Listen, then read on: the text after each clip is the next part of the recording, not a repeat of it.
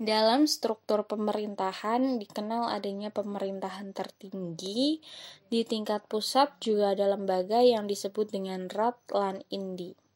Tetapi perannya cenderung sebagai dewan penasihat. Dalam pelaksanaan pemerintahan dikenal juga adanya departemen-departemen untuk mengatur pemerintahan secara umum.